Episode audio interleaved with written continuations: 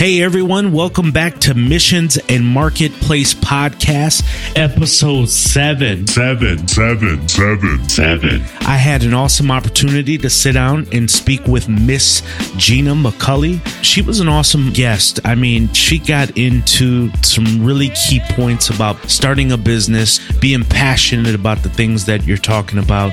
Of course, we talked about her conference, Blogging While Brown. Check that out at bloggingwhilebrown.com. She talks about starting a conference, what she would do differently, give it another opportunity, things that she's interested in. I want you guys to sit back, enjoy this, because I thoroughly did. Without further ado, here is Gina McCauley. Welcome to Missions and Marketplace Podcast. Join us as we talk to business and thought leaders to discuss their passions in and outside of business and how it drives them to give and be citizens of goodwill. Let's get started. Gina, welcome to the show. Thank you for having me. Yeah, happy to have you. It's good to talk with you. I've read so much about you. I've watched different videos on you and all kind of good stuff that we talked about earlier. So, why don't you tell the listeners a little bit about yourself? Okay, well, I'm Gina McCauley. I'm the founder of the Blogging While Brown Conference, which is one of the uh, largest gatherings of bloggers of color on the planet. And you know, I started out as a blogger, like many people, about eight or nine years ago, in my personal blog, What About Our Daughters? And about four months after I launched my personal blog, it made the AP Wire. And by the wow. end of the year, uh, I was listed in Essence Magazine's um, 20 20 is it 25 most influential of 2007 yeah that's so, awesome. You were up there with like barack obama or somebody like yeah that. Yeah, it was then senator obama who Sen- was number one. right. and then it was tyler perry. No no no. And then it was me and then it was tyler perry. So it, and the reason i say this is when i opened the magazine no you got you got to get that right. It was I, got, I was shocked for some reason it never occurred to me. When they, they call you and they tell you you know you've made this list and we're gonna you know send a photographer to take pictures. It never occurred to me as we're doing this elaborate photo shoot that it wasn't gonna be like one of those little I don't know if you've seen in some magazines, uh, they'll have like a college queens or top 100, oh, yeah. da, da, da. Oh, and it'll yeah, be like this little square that's maybe an inch by an inch or something like that. So for whatever reason, I thought it was going to be like a school picture size kind of thing. And it never occurred to me that it was going to be a really big deal wow. um, until I opened up the the article and I'm on the very first page right across from then Senator Obama, and Tyler Perry's below me, and his picture is smaller. Wow! Um, so, wow! Yeah, so that I didn't understand what was happening uh, back then, that, and that's probably a whole different uh, story because you have to remember the idea of bloggers and fame was still kind of new back then. True. And, um, I didn't know what to do with all of that. But luckily, in the middle of, you know, this kind of invents, I had led a campaign against Black entertainment television and it had been successful and gotten a lot of press.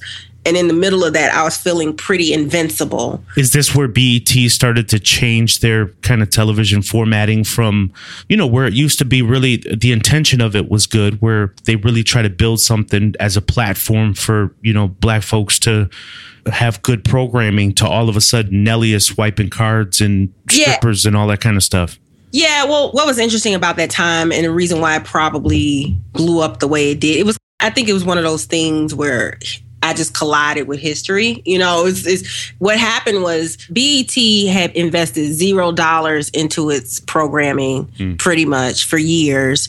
And Viacom finally came off of, I think, $180 million in production development funds. And they hired Reginald Hudlin from Hollywood to come yeah. in and be the president. House and party so, director. Yeah. So this was Debra Lee's kind of coming out party. And so they had a lineup of shows that they had developed. And I found one of them in particular highly offensive.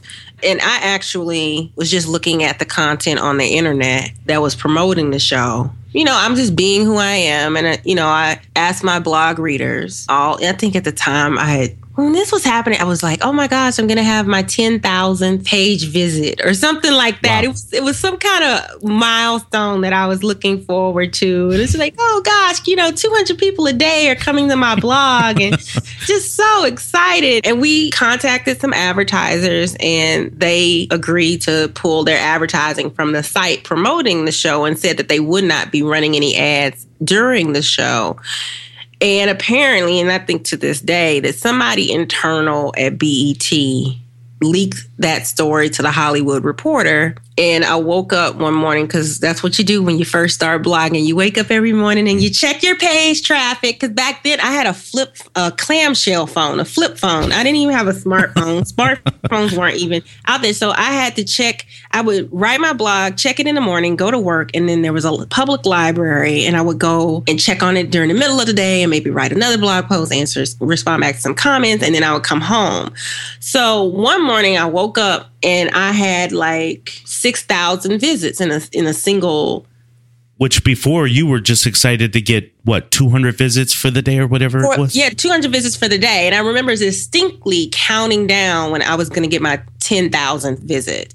Well, basically, by the end of the day, I had blown through that and then some. Wow. Um, and so I was like, well, where is this coming from? It's coming from the Hollywood Reporter. So the Hollywood Reporter was sending me a lot of traffic. And then in the middle of the day, the Hollywood Reporter story got picked up by the AP Wire, which back then that meant your the link to my website was basically on every major news site on the planet and they were sending me traffic and so there's no such thing as overnight success it's that's but, close to it if it, if you're going to have it so it wasn't expected. I didn't go looking for it, but I guess I, I was built for the moment or what, you know, whatever. And it was funny at the end of it when all of that with um, BET was over, the show's creator came to the blog and said, you know, a year from now, nobody will know your name. Wow. Yeah. And it's been, you know, eight or nine years. And it's the funny thing is, I didn't really enjoy the Essence magazine shoot uh, because I was like, oh God, people are gonna see me and da da da da and all this other stuff. So I even when the magazine came out, I didn't quite appreciate how massive it was to be in the magazine. But luckily, I got an opportunity um, to do another magazine shoot in 2013 for Black Enterprise, and we actually ended up being placed on the cover of the magazine. Wow. So I kind of got to redo that moment and it was it was kind of coming full circle of that. But in the middle of my blog blowing up, I had gotten to know bloggers behind the scenes and one of the complaints that they had was that some of the larger social media and tech conferences at the time and at the time it was called uh, Netroots Nation is now I think but back then I think it was called YearlyKos or, okay. and then BlogHer Blog was her. pretty young. And then South by Southwest, uh, which is based in Austin, people were whining and complaining about that. And I was just kind of like, well, you know, if they're not embracing you, because I was raised not to give people your money, you know. True. True. Um, absolutely. If, yeah. If they're not embracing you, then build your own conference. How hard could it be? You know, so I didn't know what I didn't know. So I was supposed to go on a European cruise that was the, the following year. And so instead of um, putting down the, the deposit on the cruise, I put down a deposit on a space at the Georgia World Congress Center in Atlanta for the first Blogging While Brown conference. And we held that in 2008. And um, we're headed into our ninth conference. Wow. Congrats. Um, You know, because I've talked to a couple people that have run conferences. It's not easy, frankly. I mean, you know, on the one side, there's so many, not politics, that's not the right word, but you deal with so many logistics from people mm-hmm. and facilities that you're going to set up, locations in some respect, that it's not easy. But, you know, the thing that I love about you, and I don't use the word love uh, loosely, I really do love this about what you've done is you didn't necessarily seek fame when blogging. I think you know, we look at a lot of bloggers today and a lot mm-hmm. of them mm-hmm. are just trying to ramp up numbers and I mean, they'll just vacillate on whatever their passion is. You mm-hmm. really just started writing about something that you were passionate about and not necessarily looking for fame. You just mm-hmm. kind of used an outlet to say, look, there's topics that I want to talk about that are important to me. So I'm going to write about it. And boom, it catches the AP wire and other things begin to happen for you, which is awesome. Mm-hmm. But that's a serious, serious lesson for bloggers and people that are creating content today that just don't throw words on a page. I mean, really believe what you're doing, and that passion will come out for other people to see for sure. Absolutely. And people can sense that. Um, they can sense the authenticity. But also, I think if you're passionate about it, chances are there's somebody else who's equally passionate mm, about it. Point. But if what your passion is, is to be known, um, that's something that only relates to you. So, yep, you know, and ooh, that's I, really good. I teach a blogging 101 course and it's so funny. And of course, I always get asked by bloggers, you know, how do I get more people to read my blog and how do I make more money? And one of the exercise I give them is to, you know, kind of stalk their audience online and go figure out where their audiences are hanging out.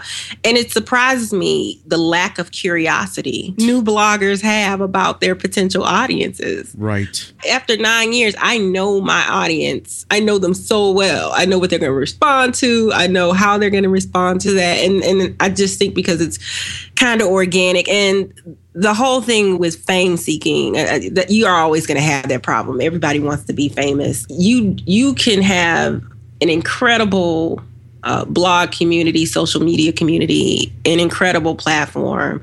Being authentic, you may the world may not know who you are, but the people who know who you are will really, really matter. That's really good advice there, and good point. So let's talk about uh, blogging While Brown. What makes this conference different, aside from the obvious name? But let's delve into that a little bit. What makes this conference different from some of the others that you mentioned, BlogHer and uh, Type A Parent and so forth and so on? Or is it? Well, yeah, I think it's different. I think it's different. I'll own that. The information, interestingly enough, is not necessarily different because information is information. When you come to our conference, you're going to see people of color in the audience on the stands giving you know speeches and handling workshops and things like that. You are not going to necessarily if you're a person of color be the oddball out. But i think one of the things and i think you i don't know if we mentioned this during the recording or not but we were talking about the difficulty with event planning and, right. and, and that kind of thing is that i've seen a lot of social media conferences come and go in the time that we've been around. And I think now a lot of them look the same. A, a lot of it's becoming redundant. And um, I don't even go to social media conferences anymore unless I'm speaking. I'm focused more on internet marketing related conferences now. But I think what makes Blogging While Brown different is that bloggers come first. And I think that a lot of times when you come go to other conferences, it's very brand centric. Even if there aren't brands, you know, wrapped around the building, even the panels are aimed at a business model or a sustainability model if you're a not for profit that involves trying to figure out how to make brands happy. And blogging while brown's a little bit different because the whole point and the whole genius of blogging and social media is that people of color could finally tell stories about themselves on their own terms. We would be independent. Mm-hmm. And it's really hard to be independent if everything you're doing is dictated by how happy you make a brand. So I think we're definitely a conference that's audience centric. We definitely push our attendees to be audience centric. We push our attendees to look at their audiences as the greatest potential source of income if that's what they're interested in. So instead of chasing sponsored posts, which is fine. They may also consider productizing something. So we're not anti brand. We have brands participate, but they're our partners. They're not our overlords, but also the size. I'm proud of the fact that, you know, people say, well, you should blow it out, you should grow it up. But I love the fact that people come up to me in the middle of the conference and talk about how organized it is and how peaceful it is. Yeah. You're not having to run from one side of a convention center to the other.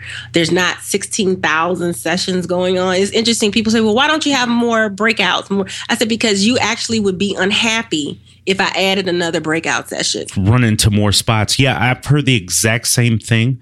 I'm committed to attend an event. I haven't been for full transparency, but I know people that have, and I've heard that it's organized, it's professional.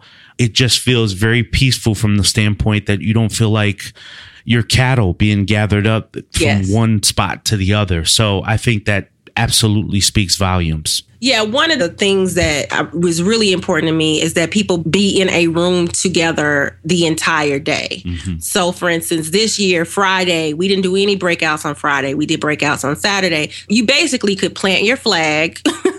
put your stuff down. That's going to be your headquarters for the day. Mm-hmm. And then, as far as moving around, that's the last time you had to think about it.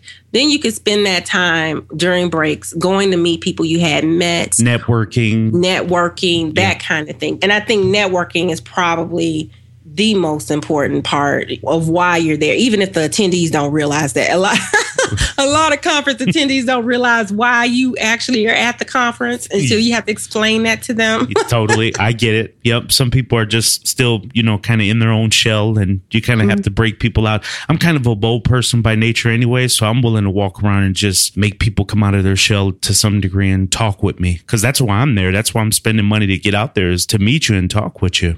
Mm-hmm. So tell me something, Gina. So we talked about the people that are on stage, uh, even the attendees for that matter, but just kind of focus on the people that speak at your event. Mm-hmm. Why is it that, and I don't know if this is intentionally done or if this has just been missed within the industry and other conferences, if there is that knowledge base within the African American community out there. And there are people that can speak articulately and eloquently to the topics of digital marketing, social media, blogging, whatever it may be. How come those same people may not get that invite at the other conferences? Is it a deliberate non invite or is it just somehow, you know, there's still somewhat of a segregation with this? What is that? First of all, I want to say one of the reasons that we started Blogging While Brown was also to highlight the fact that we do have these Black experts in social media and digital technology.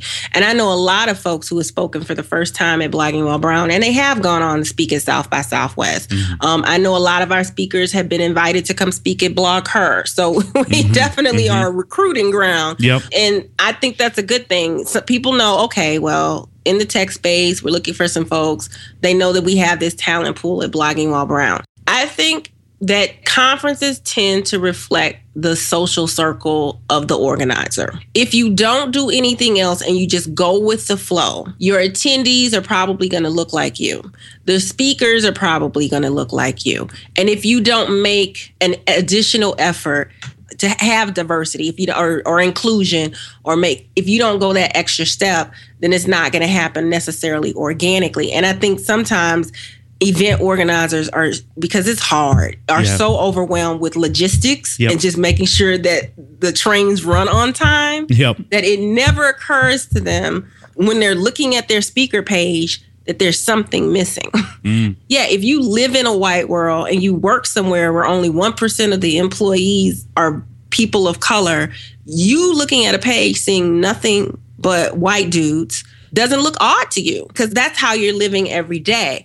I don't think it's always malicious. I think it's just kind of people going with the flow, not realizing that your flow is not inclusive if you want to be thought of as inclusive, you're going to have to go the extra step. BlogHer, I think, has done a really good job of being intentional about being inclusive. And one of the things I like about them is they've never asked me to come talk about a diversity topic. Mm. They've always had me come talk about you know, my expertise in some aspect of social media having nothing to do with race.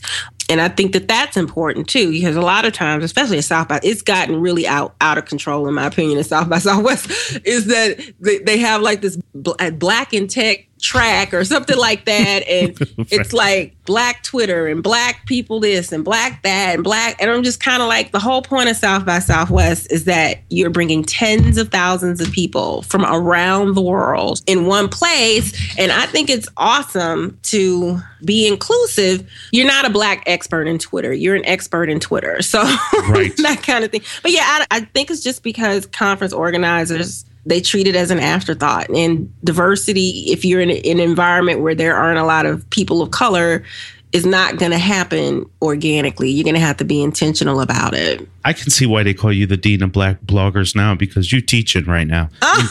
Seriously, that's really good stuff. I think it's important too that in one respect we are focusing on the fact that hey we need a little more color you know at twitter and you know i just had a, a podcast with jason caston we kind of looked at the numbers that work at twitter like 2% in facebook and throughout silicon valley and a lot of those companies right so mm-hmm. in one respect we should look at that and say hey you know we're underrepresented and i know for a fact we have more that can speak to a lot of these things. But at the same time, you don't want to put so much emphasis on it that it becomes a novelty for people where you're just creating a track to say that we did it.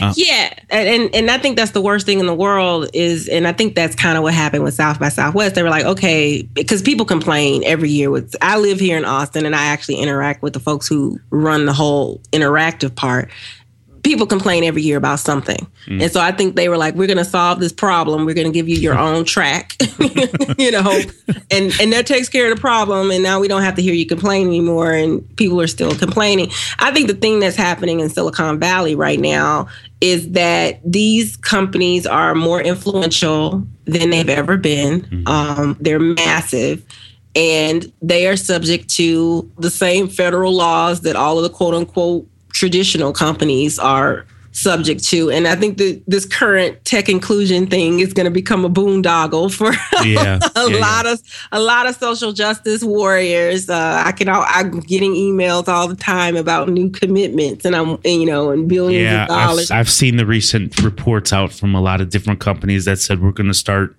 doing this now, which I mean, you can argue if it's disingenuous in some respect. I mean, yeah, I think that here's the answer because ultimately, I'm an entrepreneur at heart. I'm trying to be anyway, at least. Um, I think that the digital revolution offers people of color some opportunities that we've never had in human history. You know, I'm about to start working on my first mobile game because I think mobile gaming and video is actually the future, and blogging and social is kind of the past. And Steve Steve Jobs told said you got to be where no no Gretzky I think said you got to be where the puck will be or something like that. Wayne Gretzky. What? Yep. Yeah, yeah, yeah. Yep. You gotta be where the puck will be. I don't know why I give that to Steve Jobs. Jobs. you know what? Every quote that comes out now, whether it's on Business Insider or your Facebook post, Steve Jobs gets the quote now. Yeah. He's just the default quote guy. If the it sounds good. Quote. Yeah. When I think about tech inclusion, I think yes, we Facebook.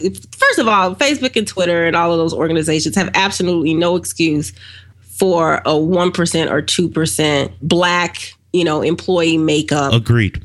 Because maybe they, you know they're holding oh well we do not have a talent pool of coders well in order to run a company that size everybody doesn't need to be a coder the hu- human resources people don't need to be coders agreed the, the people who answer the phone don't need to be coders. The people who do marketing don't need to be coders. The people who do the order the supplies don't need to be coders. So if you just forget the whole black people don't code or whatever thing, mm. we need to have our children to be fluent and be able to navigate through the world. And I think coding for some of them, they need to know that.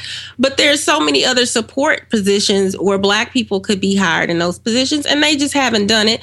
But I think that these social justice groups, I was at a conference in Washington D.C., with um, folks who deal in telecom regulation, media regulation. And the impression that I was given was that if the tech companies didn't get it together, that people were going to start pursuing actions against them with the EEOC. Mm. I think this whole conversation, I'm kind of stepping back from it because it's kind of a kabuki theater aspect yep. of it. Yep yeah, so it's kind of like I'm going to focus on doing my own thing and I'm going to let that theater, puppetry, whatever that is, go on. I don't see my future in Silicon Valley. So I, and I think that's a lesson, Gina, that other people can take, other entrepreneurs, other black entrepreneurs is look, you know, rather than get caught up in the A side, B side of diversity within an organization and the battle of it, just start your own thing just mm-hmm. go out and start to create and build. If you want to work at Facebook, build Facebook 5.0 and just make it better. And mm-hmm. it's not to say don't fight, right? But mm-hmm. you know, internet has done something where if you want to change something, you don't necessarily have to get involved with the theatrics of it all. You can just start to build your own. And here's an interesting thing. When you build your own and they see you building your own, then they want to have a conversation with you. Correct. Then they want to collaborate with you because you've got your own. That's right. You're getting the attention. There you go. That's absolutely right. You're going from teaching now to preaching. I have no collection plates on the show. I, I don't deal with that kind of stuff. Um, so so tell me, what is the one thing that you know now that you wish you would have known when you were getting started, whether it's in blogging or with your conference? And I know it's kind of vague, but what is that one thing that you know now that you wish you would have knew then? Ooh, um, you know, I started out as an activist blogger, and so I tended to be ambivalent about even running ads on my blog. Mm. Um, that was like a, a really big deal to put a you know Google ad on on my blog. it's and I didn't have one up there until the first blogging while brown conference, and I got into a confrontation with people in the audience, and they were like, "Just put it up there for God's sake."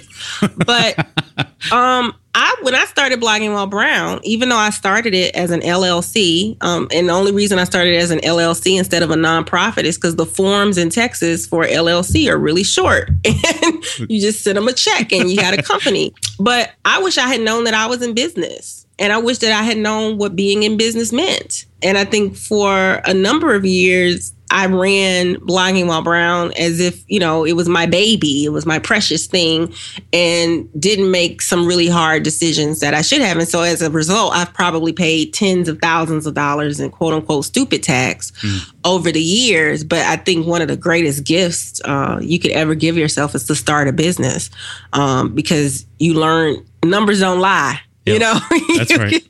you know, you can be deluded. So I, I think I, I I wish I had known back then that I was in business and the whole point of business. And and once I once I realized that the only way Blogging While Brown would survive would be for me to treat it as a business and for it to function as a business. And I couldn't keep writing checks to it every year and saying, you know, I'll just do that, you know, I'll just pay for it myself. No, that gets old after after five years. I said, no, this thing has got to be profitable on its own. And so I was forced to make some interesting decisions. For example, we don't hold our conference at hotels. We may have a hotel where people will stay there as a group, but we tend to hold our events in a non traditional venue. For example, for years, I thought I could never go to New York City. I could never hold a conference in New York City. And for whatever reason, I said, okay, let's see if we can do it in New York City. And I discovered a New York public library called the Schomburg Center for Research in Black Culture. I was able to find a space in the Schomburg Center and we were in Harlem, you know, which kind of like made perfect sense. Right. But it was how many social media conferences would have held, you know, a conference in Harlem? I'm gonna say zero right now. Yeah. But I would have been a major fan, especially if you were down the street from Sylvia's. Oh yeah, yeah, yeah. You had to pass there, okay. and you know the conference hotel ended up being this aloft, um, part of the aloft chain, and um, we held the opening party in the the conference lobby. So, you know, I go to a lot of conferences where there's a lot of pomp and a lot of cir- circumstances and i know how much every single thing costs and i'm just like i don't know how they're doing it but i got over trying to keep up with the joneses as it relates to conferences i had to figure out what's the heart and soul of this thing and the heart and soul is bringing those people together in the same space right. and giving them an opportunity to to engage. And guess what? They'll have just as much fun at the Schomburg Center. Um, they'll have just as much fun at the Chemical and Petroleum Museum. I think is where we no the Chemical Heritage Foundation Museum uh, in Philadelphia. And I think that's the reason why we're still around, and a lot of folks aren't. Is that I wasn't afraid to depart Try different, from the standard. That mm-hmm. is really cool. I you you bring up a really good point. Ninety nine percent of conferences are held at hotels versus just some outside large venue. Now I know why they do it. They probably hold it because it's a larger venue that can hold a lot of people. They're somewhat built to that. But to for you to take the extra step to find these different locations that mm-hmm. will hold the mass of people that you have, that is really unique in itself. That's really yeah. cool. Next year we'll be at George Washington University. We'll be at a university building. So um, if you're a new conference organizer, especially if you're in a social space, you might try to keep up with the Joneses and have it at a hotel. But just understand if you are having a conference at a hotel, you are not in the conference business. You are in the hotel room sales business. You are in the food services business. Right. That is the business you're in. That's a really yes. good point, especially for people that kind of want to get conferences started and and go past the meetups that they've been having, or if they're expanding in that way. Now, I'm going to ask a question that's totally unrelated, and then we're going to go to a quick break, and I'm going to ask you six quick questions. But uh, what has truly been the evolution, aside from the obvious, again, from traditional media to new media? Uh, just to put this in perspective, I know we know about TV and ads and different mm-hmm. stuff like this. I know what the internet has done, but how do you see it evolving one step further now. I think I know where you're going to go with this because you've already alluded to it video and mobile, but is that kind of where you're planning to flag at to say, look, the next step of media and moving a step forward where, you know, we're not even talking about Windows operating system anymore. I heard mm-hmm. a report that said Apple was going to become the next operating system essentially. Uh, do you think that's where we're going with, you know, new media and that's kind of where we're blasting off to next. Yeah, yeah, I definitely think we are headed towards an app based environment. But even when you look at the devices that people use, we're definitely headed towards mobile, and video is just growing every year. So when it comes to storytelling, I guess this is what I'm saying. If you're trying to break through in the next five years, don't go where everybody is already gone. Right. You already you missed that gold rush. So, oh, I'm going to start a blog, and people treat starting a blog like a slot machine in Vegas, and I'm going to get rich from it. And that's a lie that you're telling yourself.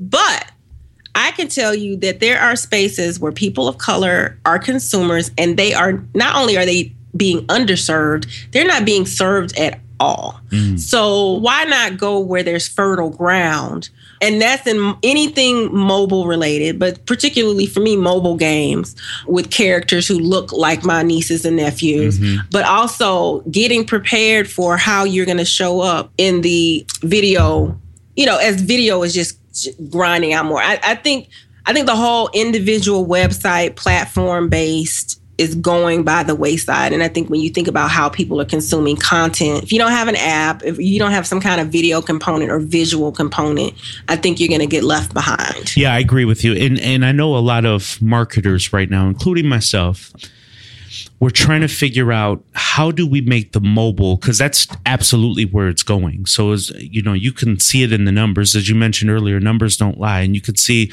the desktop users are moving to mobile. So, mm-hmm. you know, in terms of converting the sale, it's not at the level people think it's really at but you got to be careful what ads on mobile because it's so intrusive. But if people can start thinking about how can I not be intrusive to the person consuming the content, but still serve ads, still deliver content, and so forth and so on, you will be in that next wave that Gina's talking about. So that's good Yeah. stuff, Gina. Yeah, I actually think ads are dead. I think ads are dead men walking. and I'm going to tell you why. Number one, everybody's working on ad blockers. Apple has announced this. Consumers are actively seeking out ad blockers.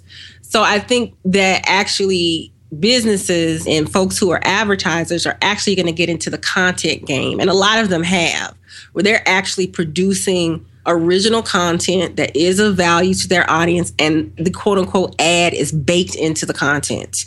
So I actually think that the whole branded content thing, I think that's where everything's headed. That's good. So, look, everyone, Gina and myself are going to come back with six burning questions and then we'll be done. We'll be right back. All right, guys, we're back with Gina. We have six burning, hot, flaming questions for her, and we're going to start right now. Gina, are you ready for this? Yes, I'm ready. This gets really crazy, so hold on. Okay. All right. So, what is your preferred social network of choice for your personal use? Facebook. A social network you couldn't do without. Uh, Facebook. The last app you downloaded for your smartphone. Square Register. Wow, that's deep. Other people had like Zoing Zoing or some game. You have like a business square register app. Okay. Smartphone of choice. iPhone. Apple or PC? Oh, Mac. Mac, wow. You said that too convincingly. I'm a PC guy. You hurt my feelings a little bit. Do you own any stock in Facebook, LinkedIn? Hmm. I do not. Okay. All right. Yes, I- but I need to. I need to own some Facebook, Twitter, and LinkedIn. I you know now just as a caveat to this and that was that was your burning questions but just as a caveat to this I think those are what they are at this point I think we need to start investing in the up and coming guys the Oh, yeah. next Facebooks and the other Twitters and so forth so I don't own any stock either to be transparent in any of those companies by design when Facebook initially put out their IPO I thought about it and then I decided not to for a couple different reasons but Gina, look, I really appreciate your time. The information that you provided was awesome. I'm sure we're going to get good feedback that other people believe the same. I really appreciate it. oh, you're welcome. Thank you for listening to Missions and Marketplace. If you have a brand or business that you want to take online, or you're already online and looking for more exposure, visit us at affiliatemission.com, the premier affiliate marketing and management agency. Also, feel free to get social with us and check our Facebook, LinkedIn, and Twitter pages and share with us your story on how you're leaving a mark in the world.